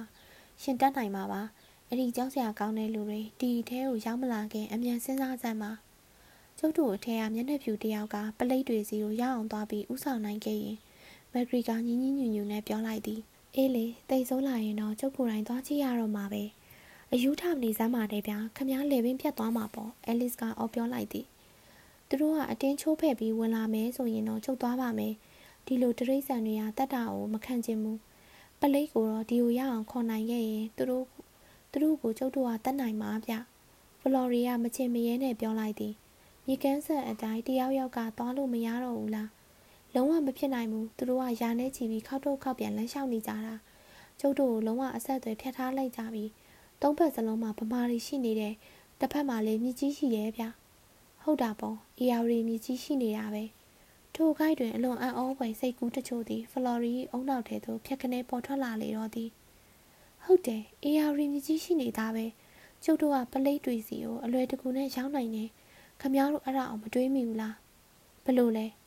မြစ်ကြောင်းတိုင်းရေရဲပါနေကူးသွားရုံပေါ့။အိုးနှိမ့်လိုက်လေဗျာ။အဲလစ်စီအော်ဟဲလိုက်ပြီးဖလော်ရီပခုံးလက်နဲ့ပုတ်လိုက်သည်။အဲလစ်ဘတ်သည်ဖလော်ရီလက်မကိုဖြင့်ညစ်လိုက်ပြီးတစ်ချက်နှစ်ချက်ပင်ကားလိုက်မိသေးသည်။ခမည်းတော်သွားစီခြင်းကျုပ်သွားပါမယ်။အဲလစ်ကပြောလိုက်သည်။တို့ရရင်ဖလော်ရီကခေါင်းခပြလိုက်သည်။သူဟာရှုဖက်နှက်ကိုပင်ချွတ်နေလေတော့သည်။နောက်ထပ်အချိန်ကုန်ခံရမသိတော့ယခုမြမလူမျိုးများသည်အယူသပွဲအကျမ်းမဖတ်သေးကြတော့လေ အတဲတဲသို့ချိုးဖြတ်ပြီးဝင်လာနိုင်မည်ဆိုပါကမြည်တို့ဖြစ်လာမည်ကိုဘသူကမှမပြောနိုင်ကြအကြောင်းပြေစာပြုပြီးဖြစ်သောကြောင့်ဘတ်တလာသည်မြက်ခင်းပေါ်သို့မျက်နှာမူထားသောပဒင်းပေါက်ကိုခိုးကြောင်ကိုဝဲလမ်းကြည့်လိုက်သည်မြက်ခင်းပေါ်၌မြမလူမျိုးအယောက်20ခန်းရှိသည်မြည်ကြီးကစုံမပြေးနိုင်အောင်တားဆီးထားသည်ဟုယူဆလိုက်သောကြောင့်သူတို့သည်ကလန့်အဆောင်အောင်၏အနောက်ဘက်ခြမ်းကိုအဆောင်ကျက်များခက်များများမထားခဲ့ပေမြက်ခင်းပေါ်ကိုအတင်းဖြတ်ပြီးပြေးပြီတော့ အဲလစ်ကဖလော်ရီအနားသို့ကပ်၍ပြောလိုက်သည်ခမ ्या ကိုမြင်တာနဲ့သူတို့လူစုခွဲသွားကြလိမ့်မယ်ချက်ချင်းပြစ်ဖို့ပလိတ်တွေကိုအမိန်ပေးလိုက်မေဇာမဂရီကလည်းတစ်ဖက်မှအော်ဟစ်နေသည်ခမ ्या ကိုကျုံအာနာကုန်လွှဲလိုက်တယ်ပြီးတော့လေသူတို့ကိုအောက်နှိမ်ပြီးပြစ်ဖို့အမိန်ပေးခေါင်းပေါ်ကကြော်ပြီးမဖြစ်နဲ့အသေးဖြစ်ဘိုက်ကိုသာပြစ်ထည့်လိုက်ဖလော်ရီတီဝရနာပေါ်မှခုန်ချလိုက်ပြီးမြေမာပေါ်သို့ရောက်သွားပြီးခြေထောက်နာသွားသည်သူသည်ကန်းဆက်သို့ ခြေလန်းချောက်လန်းနဲ့ပင်ရောက်သွားသည်အဲလစ်ပြောသည့်အတိုင်းသူခုန်ချသည်ကိုမြင်လိုက်ရသောအခါမြမများသည်ခိတ္တများရှဲကနေဖြစ်သွားကြသည်ထို့နောက်သူ့နောက်ပတ်စီသို့ခဲနှင်းငယ်ကြလာသည်တို့ရရင်မိသူကားမှလိုက်မလာပါသူသည်ထွက်ပြေးရန်ကြံစီသူတယောက်ဖြစ်ကြောင်းမြမများကတွေးလိုက်မိသောကြောင့်ထိန်နေသောလာရောင်အောက်တွင် သူသည်အဲလစ်မဟုတ်ကြောင်းမြင်နိုင်ကြပေသည်နောက်တစ်ခဏအတွင်းသူသည်ခြုံကြားထဲမှရှေ့သို့တိုးသွားပြီးရေထဲသို့ရောက်သွားလေတော့သည် ဖလော်ရီသည်ရေအောက်သို့ရောက်သည့်အထိနစ်မြုပ်သွားပြီးမြေအောက်ခြေနွန်ထဲတွင်ဒူးကိုရောက်သည့်အထိကျုံဝင်သွားသောကြောင့်ခြေထောက်ကိုပြန်ယုံနိုင်ရန်စက္ကန့်အနည်းငယ်ကြာမြင့်သွားသည်သူသည်မြည်ရည်ပြင်ပေါ်သို့ပြန်ရောက်လာသောအခါစတောက်ပီယာမှအမြုပ်လိုခန့်နှွေးနှွေးအမြုပ်များသည်သူနှကန်းပတ်လည်၌တစ်ဖြက်ဖြက်ရိုက်ခတ်နေကရေမြုပ်လိုပစ္စည်းတစ်ခုသည်ပါဇက်ထဲသို့ဝင်သွားပြီးလေကြောင်းထဲတွင်တစ်ဆူဆူဖြစ်နေလေတော့သည်ထိုပစ္စည်းမှာဗေဒာရက်တရက်ဖြစ်သည် သူသည်ထိုဗေဒာရွက်ကိုစူးစမ်းပြီးထွေးထုတ်ပြလိုက်သည်သူသည်လင်းမြန်စွာစီးဆင်းနေသောရေစီးကြောင်းထဲတွင်မျောပါသွားသောကြောင့်ဂိုင်း20ကအဝေးသို့ရောက်သွားသည်မြမများသည့်အော်ဟစ်ရင်ကမ်းပေါ်တွင်အတိပ္ပယ်မရှိဟိုလျှောက်တီလျှောက်လုံးနေကြသည်သူမျက်စိသည်မြည်ရည်ပြင်းတဲ့တဒန်းနဲ့ရှိနေသောကြောင့်ကလပ်ကိုဝိုင်းထားသည့်လူအုပ်ကိုမမြင်ရတော့လေသူတို့အော်ဟစ်နေကြတံများမှာကမ်းပေါ်တွင်ကြားနေရသည့်တက်ပို၍ကျဲလောင်နေသည် သူသည်စစ်ပလိတ်တန်းရနှင့်မျက်နှာချင်းဆိုင်ကန်းဆက်သို့ရောက်ရှိလာသည့်အခါထိုနေရာတွင်လူမရှိသလောက်ဖြစ်နေသည်သူသည်ရေစီးကြောင်းထဲမှစူးစမ်းပန်းစားထွက်၍ရှုံထဲတွင်ကိုယ့်ရုပ်ကာယရှောက်လာခဲ့ရာဘယ်ဘက်ချီအေးကြွချကျနေခဲ့သည်သူသည်ကန်းဆက်အတိုင်းနှင်းငယ်လျှောက်သွားသောအခါမိုင်းတရာပတ်လွန်မိုင်းတရာပတ်လည်အတွင်အထီကေုံဖြစ်ပွားမှုအလျင်းမရှိသလိုခြံစည်းရိုးနှစ်ဖေးတွင်ထိုင်၍ခြံနိုင်များကိုချွန်နေသော အဖိုးကြီးနှစ်ယောက်အားတွေ့လိုက်ရသည် ဖလော်ရီကန်မော်သို့တွားသွားလိုက်ပြီးခြံစည်းရိုးကိုကြော်တက်၍လာရကြောင်းလိမ့်တင်နေသောကြောင့်စီရေးပြခွင်းထဲမှပင်ပင်ပန်းပန်းဖြတ်ပြေးရသည်ရေစုံနေကြောင်းသူ၏ဘောင်းမိရှိသည်အောက်ဖက်သို့တွဲဤ၍ကျလာသည်အတန်ပလံများကိုခံမှန်းကြည့်ရခြင်းဖြင့်စစ်ပလိတ်တန်းရများတွင်လူသူရှိပုံမရညာဘက်ရှိမြင်းဆောင်မှာဘာရောဤမြင်းများသည်သွေးယူသွေးတန်းရုန်းကန်နေသည်ဖလော်ရီသည်လမ်းပေါ်သို့ပြေးထွက်လိုက်သောအခါမိတို့ဖြစ်ပျက်နေသည်ကိုတွေ့လိုက်ရလေတော့သည်ရိုးရိုးပလိတ်နှင့်စစ်ပလိတ် စုစုပေါင်းအယောက်150ခန်းသည်ဒုံများကိုသာကန်၍လူအုပ်ကြီးအားနောက်ဘက်မှဝင်ရောက်တိုက်ခိုက်နေကြသည်သူတို့အားလုံးသည်လူအုပ်ထဲတွင်ညက်နေကြသည်လူအုပ်ကြီးမှများပြားလွန်းသောကြောင့်ကြီးမားလာသောပြားဟုတ်ကြီးတဝီဝီပြောင်းလဲနေသလိုထင်ရသည်နေရာတကာတွင်လူအုပ်ကြီးများမှရက်နေသောပလိတ်များကိုမြင်တွေ့ရသည်ပလိတ်များသည့်ဒုံများကိုသုံးခွင့်မရအောင်လူကြားထဲတွင်ညက်နေသည်ဘာသာစကားလေးမျိုးနှင့်စိတ်ရည်တိုင်းထွာသံများ အလုံးလိုက်ကြွတက်လာသော ဖုံဖုံများအသက်ရှူကျက်လာအောင်နန်းစော်လာသောချွေးနှံများနှင့်ချစ်တီးပန်းအနှံများမိသူမှပြင်းပြင်းထန်ထန်ထိခိုက်ဒဏ်ရာရကြပုံတော့မပေါ်မြမများသည့်ရိုင်ဖယ်နှင့်ပစ်ခံရမည်ကိုသာဆို၍ဓားများကိုအသုံးမပြုခြင်းဖြစ်ပုံရသည်ပလော်ဒီတီလူအုပ်ကြားထဲသို့ဝင်သွားရာတခြားလူများလိုပင်လူကြားထဲမှချက်ချင်းညက်သွားတော့သည်မြောက်များလာစွာသောလူခန္ဓာကိုယ်များသည်ဖလော်ရီနံရိုးများနာကျင်သွားသည့်စီသာမက ဘေးတစ်ဖက်တစ်ချက်စီသို့လွင့်စင်သွားအောင်တိုးဝေနေကြသည်သူတို့ကိုမှထွက်လာသောချွေးနှံများကလည်းသူ့ကိုပွန်းစေစေသည်သူသည်အိမ်မက်ထဲ၌တိုးဝေနေသလိုဆက်တိုးနေမိသည်ထို့အတီးကယုံကြီးသည်အစကပင်လူရဲစရာဖြစ်ခဲ့သည်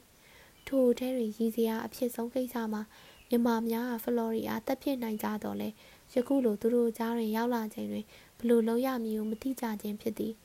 တချို့ကသူ့မျက်နှာကိုစစ်စစ်ကြည့်၍ဆဲကြသည်တချို့ကသူ့ကိုတိုးဝေပြီးသူ့ခြေထောက်ကိုတန်နှင်းကြသည်တချို့ကမျက်နှာဖြူတယောက်ဖြစ်သောသူ့အားလမ်းဖယ်ပေးရန်စူးစမ်းကြသည်ဖလော်ရီတီလူအုပ်ကြားထဲမှာအသက်အန္တရာယ်ကိုစူးစမ်းပန်းစားကာကွယ်နေရတာလားသူမဟုတ်လူအုပ်ထဲကရိုးရိုးသားသားတိုးဝှေ့ပြီးသွာလာနေကြခြင်းပင်ဖြစ်သလားဆိုတာ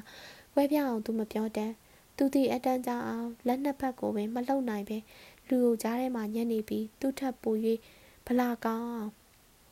မြမတယောက်နဲ့လုံးတွေ့တပ်ပုတ်နေရပြန်သည်ထို့နောက်တရားစင်ကန်းရှိသောလူအုပ်ကသူ့ကိုထပ်မံတိုးဝှေ့လိုက်ရာသူသည်လူအုပ်ကြီးတဲ့သို့ပို၍ပင်ရောက်ရှိသွားလေတော့သည်ရုတ်တရက်သူ၏ညာချေမသည်မခံမရနိုင်အောင်နာကျင်သွားရသည်လူတစ်ယောက်ကသူ့ချေမကိုပုတ်ဖက်နဲ့နဲ့တက်နှင်းလိုက်ခြင်းဖြစ်သည်ထို့သူမှာစူပေရာ Rajput ဖြစ်သည်သူသည်မြန်မာတယောက်အားလေဘဲမှကင်၍မျက်နှာကိုလက်သီးနှင့်ထိုးရန်ကြိုးစားနေသည်စပင်မရှိသောသူကောင်းပေါ်မှ ချွေးများလည်းကြာစီးနေသည်ဗလော်ရီသည်စူပေရာ၏လေဘင်းကိုလက်နှင့်တိုင်းဖက်ကထိုသူနှင့်ကွာသွားအောင်ပြုလုပ်လိုက်ပြီးမှသူ့နားထဲသို့အော်ပြောလိုက်သည်ဖလော်ရီသည်ဒူရာဒူဘာသားကိုရုတ်တရက်မိသွားသဖြင့်မြန်မာလိုပြောလိုက်ရသည်ဘာဖြစ်လို့တနက်နဲ့မဖြစ်တာလဲဖလော်ရီသည်အတန်ကြာအောင်ရက်ချ်ဘော့၏အဖြေကိုနားမလဲနောက်မှသူကသဘောပေါက်လိုက်သည်ပြစ်မိတ်မပေးလို့ပါလူညက်တောက်ဖြင်း ထိုကိုက်တွင်နောက်ထပ်လူတအုပ်ကသူတို့ကိုတိုးဝှေ့ခွေ့ပစ်လိုက်ရာသူတို့သည်10မိနစ်ခန့်ကြာအောင်မလုံနိုင်ပဲညက်နေလေတော့သည်ဖလော်ရီသည်စူပေရာကသူ့အိတ်ထဲမှဝီစီကိုထုတ်ယူရန်စ조사နေကြောင်းသူသိလိုက်သည်နောက်ဆုံးတွင်ဝီစီကိုရသွားသောကြောင့်စူပေရာသည်အချိန်မောင်းတတာစဉ်ကစူးစူးရှာရှာမှုတ်လိုက်သည်တို့ရရင်လူရှင်းနေသောနေရာသို့မရောက်သေးလူစု၏လူစု၍ရနိုင်မည်အခြေအနေမရှိပါသူတို့အဖို့ထိုလူအုပ်ထဲမှပြန်ထွက်ရသည်မှာပင်ပင်ပန်းလာသည် တခါတခါတွင်ကလော်ရီသည်မလုံနိုင်အောင်ပင်ပန်းလွတ်လာ၍ငငင်ကလေးရက်နေလိုက်ရာလူအုပ်ကနောက်ဖက်သို့ပြန်တွန်းချိန်၌အလိုက်တင်ပါသွားတော့သည်နောက်ဆုံးတွင်သူ၏အားထုတ်မှုထက်လူအုပ်ကြီး၏တိုးဝှေ့လှုပ်ရှားမှုကြောင့်သူသည်လူအုပ်၏အပြင်ဘက်သို့ရောက်ရှိသွားလေတော့သည်စူပေရာကြီးလည်းအပြင်သို့ရောက်လာသည်ထို့သူစစ်ပလိတ်10ယောက်15ယောက်နှင့်မြန်မာရာဇဝင်းအင်စပတ်တော်တယောက်လည်းအပြင်သို့ပြန်ရောက်လာကြရတော့သည် ခြေတော်များကိုတက်နှင်းခံရသောကြောင့်စစ်ပလိတ်များသည်မောလွန်းသဖြင့်ရိမ့်ဟိုင်တော်မလိုဖြစ်နေသည်ဟိကောင်တွေထားကြစမ်းစစ်တမ်းရကိုအခုချက်ချင်းသွားပြီးရိုင်ဖယ်နဲ့ချီကက်တွေကိုယူခဲ့စမ်းသူသည်ပြင်းထန်လွန်လာသောကြောင့်မြန်မာလိုပင်မပြောမိတော့ချေတို့ရရင်စစ်ပလိတ်များသည်နားလေသဘောပေါက်သွားသောကြောင့်စစ်တမ်းရစီသို့ခက်ခက်ခဲခဲပြေးသွားကြလေတော့သည်လူအုပ်ကြီးကသူ့နောက်သို့လိုက်လာပြီးရံမမှုမီဖလော်ရီသည်စစ်ပလိတ်များ၏နောက်မှကတ်လိုက်သွားသည် သူကိန်းဝါသို့ရောက်သောအခါစစ်ပလိတ်များသည်ရိုင်ဖယ်များနှင့်အတူပြန်ရောက်လာပြီးပြစ်ခတ်ရန်ပြင်ဆင်နေသည်သခင်အမိတ်ပေးလိုက်မယ်စူဝေယာသည်အမောတကောနဲ့ပြောလိုက်သည်ဟေးလူဖလော်ရီယာရာဇဝတ်အင်စပက်တော်ကိုလှမ်းအော်ခေါ်လိုက်သည်မင်းဟင်ဒူစတန်နီဘာသာနှင့်စကားပြောတတ်သလားပြောတတ်ပါတယ်သခင်ဒါဖြင့်လူတွေရဲ့ခေါင်းပေါ်ကခက်မြင့်မြင့်ပြဲလို့အမိတ်ပေးလိုက်ပြီးတော့လည်းတပြိုင်တည်းပြစ်ကြရမယ်အဲ့ဒါကိုနားလဲအောင်အမိတ်ပေးပါ ဟင်ဒီစတန်နီဘာသာစကားကိုဖလော်ရီလောက်ပင်လဲလဲပတ်ပတ်မပြောတတ်သောဝါတုတ်တုတ်ရာဇဝတ်အင်စပက်တော်ကြီးသည်ခုံပေါက်၍၎င်းလက်ဟန်ချေဟန်နှင့်ပြ၍သော၎င်းရှင်းပြလိုက်သည်စစ်ပလိတ်များသည်ရိုင်ဖယ်တနက်များကိုမြောက်ပစ်လိုက်ကြရာတနက်တံများဟိမ့်ထွက်သွားသလိုတောင်ကုန်းစီမှပင်ပဲ့တင်တံများထွက်ပေါ်လာသည်သူတို့နှင့်အနီးဆုံးနေရာ၌ရှိနေကြသောလူအုပ်ကြီးသည်ကောက်ပင်များအားရိတ်လဲလိုက်သလိုအတုံးယုံလဲကျသွားသဖြင့် သူပေးလိုက်သောအမိန့်ကိုစစ်ပလိတ်များမနာခံကြဟုသူထင်လိုက်သည်တို့ရတွင်ထိုလူများသည်မြေကြီးပေါ်သို့အလံတကြားလဲပစ်လိုက်ခြင်းဖြစ်သည်စစ်ပလိတ်များကဒုတိယအကြိမ်ပြစ်လိုက်ကြပြန်သည်တို့ရရင်နောက်တစ်ကြိမ်ပြစ်ခတ်ရန်မလိုတော့ထိုလူအုပ်ကြီးသည်ရေစီးကြောင်းပြောင်းသွားသလိုမြေကြောင်းတစ်ခုပမာကလတ်အပြင်ဘက်သို့ဝေါကနေပြိုထွက်သွားကြလေတော့သည်ထိုလူအုပ်ကြီးသည်လမ်းအတိုင်းပြိုဆင်းသွားရာတနက်ကင်တစုကလမ်းမှပိတ်ဆို့ထားသည်ကိုတွေ့လိုက်ရသည်တွင်နောက်ဖက်သို့ပြန်ပြေးရန်ကြိုးစားကြသည် ထို့နောက်တွင်ကရှေ့မှလူများနှင့်နောက်မှလူများသည်တစ်ဖက်နှင့်တစ်ဖက်ပြစ်ခတ်တိုက်ခိုက်ကြပြီးနောက်ဆုံးတွင်နောက်ဖက်မှလူများသည်ရှေ့သို့တိုးလာနိုင်သလိုလူအုပ်ကြီးသည်လည်းမိုင်တန်ကွင်းကြီးစီသို့တရွေ့ရွေ့နှင့်ရွေရှားသွားလေတော့သည်ဖလော်ရီနှင့်စစ်ပလိတ်များသည်တဖြည်းဖြည်းဆုတ်ခါသွားကြသောလူအုံနောက်မှကလတ်စီသို့တဖြည်းဖြည်းတိုးကပ်သွားကြသည်လူထဲမှညနေသောပလိတ်များသည်တယောက်စာနှစ်ယောက်စာနောက်တွင်ကျန်ရစ်ခဲ့သည် သူတို့ဦးကောင်း၌ပေါင်းထားသောပေါင်းထုံများမရှိကြတော့သလိုခြေသလုံးတွင်လည်းပတ်ထားသည့်ဝိစားများသည်သူတို့၏အနောက်ဘက်တွင်တွဲလောင်းဆွဲ၍ပါလာကြသည်တို့ရတွင်သူတို့၏ကိုယ်ပေါ်၌ပုံးဖဲ့တန်ရာများထက်ပို၍ကြီးမားသောတန်ရာများမရှိပါရိုးရိုးပလိတ်များသည်လူအနှဲငယ်ကိုဖမ်းဆီးခေါ်ဆောင်သွားကြသည်သူတို့လူစုကလက်ချံဝင်းထဲသို့ရောက်ကြသောအခါမြမများသည်ခြံဝင်းထဲမှထွက်လာနေကြဆဲပင်လူငယ်လူရွယ်ကလေးများသည်ခြံစည်းရိုးထဲတွင်ပေါက်ပြင်းနေသောနေရာများမှ လှလှပပခုန်ထွက်နေကြသည်ထိုအချိန်တွင်အလုံးပေါင်းမိုက်နေသည်အဝတ်ဖြူဝတ်ထားသောခန့်ငယ်ငယ်လူတစ်ယောက်သည်လူအုပ်အနောက်ဘက်မှခွဲထွက်လာပြီးဖလော်ရီလက်ထဲတွင်ခွေချသွားသည်ထိုလူမှာလေစည်းပြုတ်ထွက်နေသောဒေါက်တာဘာယာစွာမိတွင်ဖြစ်သည်သူမျက်မှန်သည်အံ့ဩစရာကောင်းလောက်အောင်မကွဲမပြတ်ဖြစ်နေသည်ဟေးဒေါက်တာအာကျုံမေးဆွေကြီးပါလားအမလီပင်မလိုက်တာဗျာခမဒီမှာဘာလုပ်နေရလဲလူအုပ်ကြားထဲမှာရှိနေခဲ့တာလား ကျုပ်ကသူတို့ကိုထိမ့်သိမ့်ဖို့စူးစမ်းနေတာပါမိတ်ဆွေရာခမမလာခင်အချိန်ဒီဘလို့မှမျောလင်းချက်မရှိပါဘူးဟောဒီကျုပ်လက်ချက်ကိုမိသွားတဲ့လူတယောက်တော့ရှိကိုရှိရမယ်ဒေါက်တာသူ့လက်မှပုံပဲ့နေသောလက်စစ်များကိုဖလော်ရီနီအောင်လက်သီးဆုပ်ကလေးထောင်ပြလိုက်သည်ယခုအချိန်တွင် အလင်းရောင်လုံးဝပြောက်ွယ်နေလေပြီထိုခိုက်ဖလော်ရီဂျောဘတ်မှာနှာခေါင်းတန်ပါပါပြောလိုက်သောအတန်တတန်ကိုကြားလိုက်ရတော့သည်ဘလို့လဲမစ္စတာဖလော်ရီအခုတော့အားလုံးပြီးစီးသွားပြီပေါ့ဟုတ်လား ထုံးစံအတိုင်းကောက်ရိုးမိလို့ဟုံးကနေထားတောက်ကြတာပါခမားနဲ့ကျောက်တို့ရဲ့အင်အားကိုသူတို့မခံနိုင်ကြပါဘူးဟုတ်တယ်မဟုတ်လားထိုလူမဥဖိုးကျင်ဖြစ်သည်သူသည်ခြောက်လုံးမြုပ်တနက်ကိုကပတ်တွင်ထိုးထည့်ထားပြီးတုတ်ကြီးတစ်ချောင်းလက်ကကင်ရင်ဝင်ကြားသောဟန်ပန်ဖြင့်သူတို့ထံသို့လျှောက်လာသည်သူသည်အိမ်ထဲမှကမန်းကနန်ထွက်လာခဲ့သည့်ဟန်ပန်နှင့်စွတ်ကျဲနှင့်ရှမ်းပေါင်းမီကိုသာဝစ်ဆင်ထားသည်သူသည်အန်ရီကင်းလောက်သောအချိန်တိုင်းအောင်နိုင် အောင်နေခဲ့ပြီးမှခုံယူစရာရှိပါကသူပါရောနှော၍ခုံယူနိုင်အောင်ကမန်းကနန်ထွက်လာခဲ့ခြင်းဖြစ်သည်တော်တော်ခုံယူစရာကောင်းတဲ့အလုပ်ပါပဲဥဖို့ကျင်ကစိတ်ပါလက်ပါပြောလိုက်သည်သူတို့တောင်ကုန်းပေါ်ကိုပြေးတက်နေကြပုံကြည့်ပါအောင်ကျုပ်တို့ကသူတို့ကိုစိတ်တိုင်းစားနှိမ်နှင်းနိုင်ခဲ့ကြတာကိုကျုပ်တို့ဟုတ်လားမောနေသောဒေါက်တာမခန့်ချင်းစိမ့်နဲ့ပြောလိုက်သည်အာမိတ်ဆွေကြီးဒေါက်တာကြီးပါလားခမအဲ့ဒီမှာရှိနေလိမ့်မယ်လို့ကျုပ်ကမထင်ဘူး တိုက်ခိုက်ကြတဲ့လူတွေကြားထဲမှာခမလေးရှိနေတယ်ဆိုတာဖြစ်နိုင်ပါမလားခမကအင်မတန်တန်ဖိုးကြီးတဲ့အသက်ကိုယ်တော်စွန့်မလို့ရလားဘသူကဒီလိုမျိုးယုံကြည်ကြပါမလဲခမကဒီရအောင်အတော်ကလေးအချိန်ယူခဲ့ရကိုဖလော်ရီယာဒေါသနဲ့ပြောလိုက်သည်နေပါအောင်လေကျုပ်တို့ကသူတို့ကိုဖြုတ်ခွဲပစ်လိုက်တယ်ဆိုတာကမလုံလောက်လို့လားဥဖိုးကျင်သည်ဖလော်ရီလေတံကိုတတိထားမိလိုက်သောကြောင့်ကြည်ကျင်နက်နက်ကြီးထပ်မံ၍ဖြစ်ဆွလိုက်ပြန်သည် ဒါပေမဲ့ဒီလူတွေကမျက်နှာဖြူတွေရဲ့အိမ်တွေစီကိုဥတီပြီးသွားနေကြတယ်ဆိုတာခမများလေးမြင်ပါလိမ့်မယ်သူတို့ကခရီးသွားဟန်လွဲဆိုသလိုခန်းနည်းနည်းပပလောက်ဝင်ပြီးဖမ်းဆီးဖို့တွေးကြည့်တွေးမိကြမှာတွေးမိကြအောင်ပါမြည်သူမဆိုဥဖို့ကြည်အရှက်ကြောက်ကင်းမဲ့စွာမျက်နှာပြောင်တိုက်မှုကိုချီကျူးရမိတာဖြစ်သည်သူသည်ဒုတ်ကိုဂျိုင်းကြားတွင်ညှက်ကဖလော်ရီနဘေးမှရှင်၍ဝင်းဝင်ကြကြလျှောက်လာသည်ဒေါက်တာမူနောက်နာကခက်ရွရွလေးလိုက်ပါလာသည် ကလက်ကိတ်ဝါသို့ရောက်ရှိလာသောအခါသုံးယောက်စလုံးရက်တက်လိုက်သည်လာမင်းကြီးကွယ်ပြောက်သွားပြီဖြစ်သောကြောင့်ထူးထူးခြားခြားမှောက်မိုက်နေသည်ဦးကောင်းပေါ်ရှိခက်နှိမ့်နှိမ့်အမြင်၌မြင်နေရသည်ဆိုယုံများသာရှိသောတိမ်မဲများသည်ခွေးနှက်ကြီးတအုပ်လိုအရှိဆူးဆူးသို့လွင်မျောနေသည်လေနုအေးကလေးသည်တောင်ကုန်းပေါ်သို့တိုက်ခိုက်သွားရာသူရှိတွင်ရှိနေသောရေမုံရင်ငွေ့များနှင့်ဖုံမုံများကိုတပါးလေးတည်ဆောင်သွားသည်ချက်ချင်းဆိုသလိုပင်ဆုံဆိုတိုင်းတိုင်းဖြစ်လာကလေကလည်းပြင်းလာသည် လှုပ်ရမ်းနေသောတစ်ပင်များသည်တစ်ကိုင်းချင်းပြင်းထန်စွာရိုက်ခတ်လာကြသည်တန်နစ်ဝင်းဘေးတွင်ရှိနေသောတရုတ်စကားပန်းမင်ကြီးသည်ခက်ဝါးဝါးသာမြင်နေရသောပန်းမင်များကိုချွေချနေလေသည်သူတို့သုံးယောက်စလုံးသည်အရေးအာဝါဒအောက်သို့ကမန်းကရန်ပြေးကြသည်ဖလော်ရီယာကလပ်ထဲသို့ဝင်သွားသလိုအရှိတိုင်းသားနှစ်ယောက်ကလည်းမိမိတို့၏နေများသို့ထွက်သွားကြသည်မိုးစတင်ရွာလေပြီ။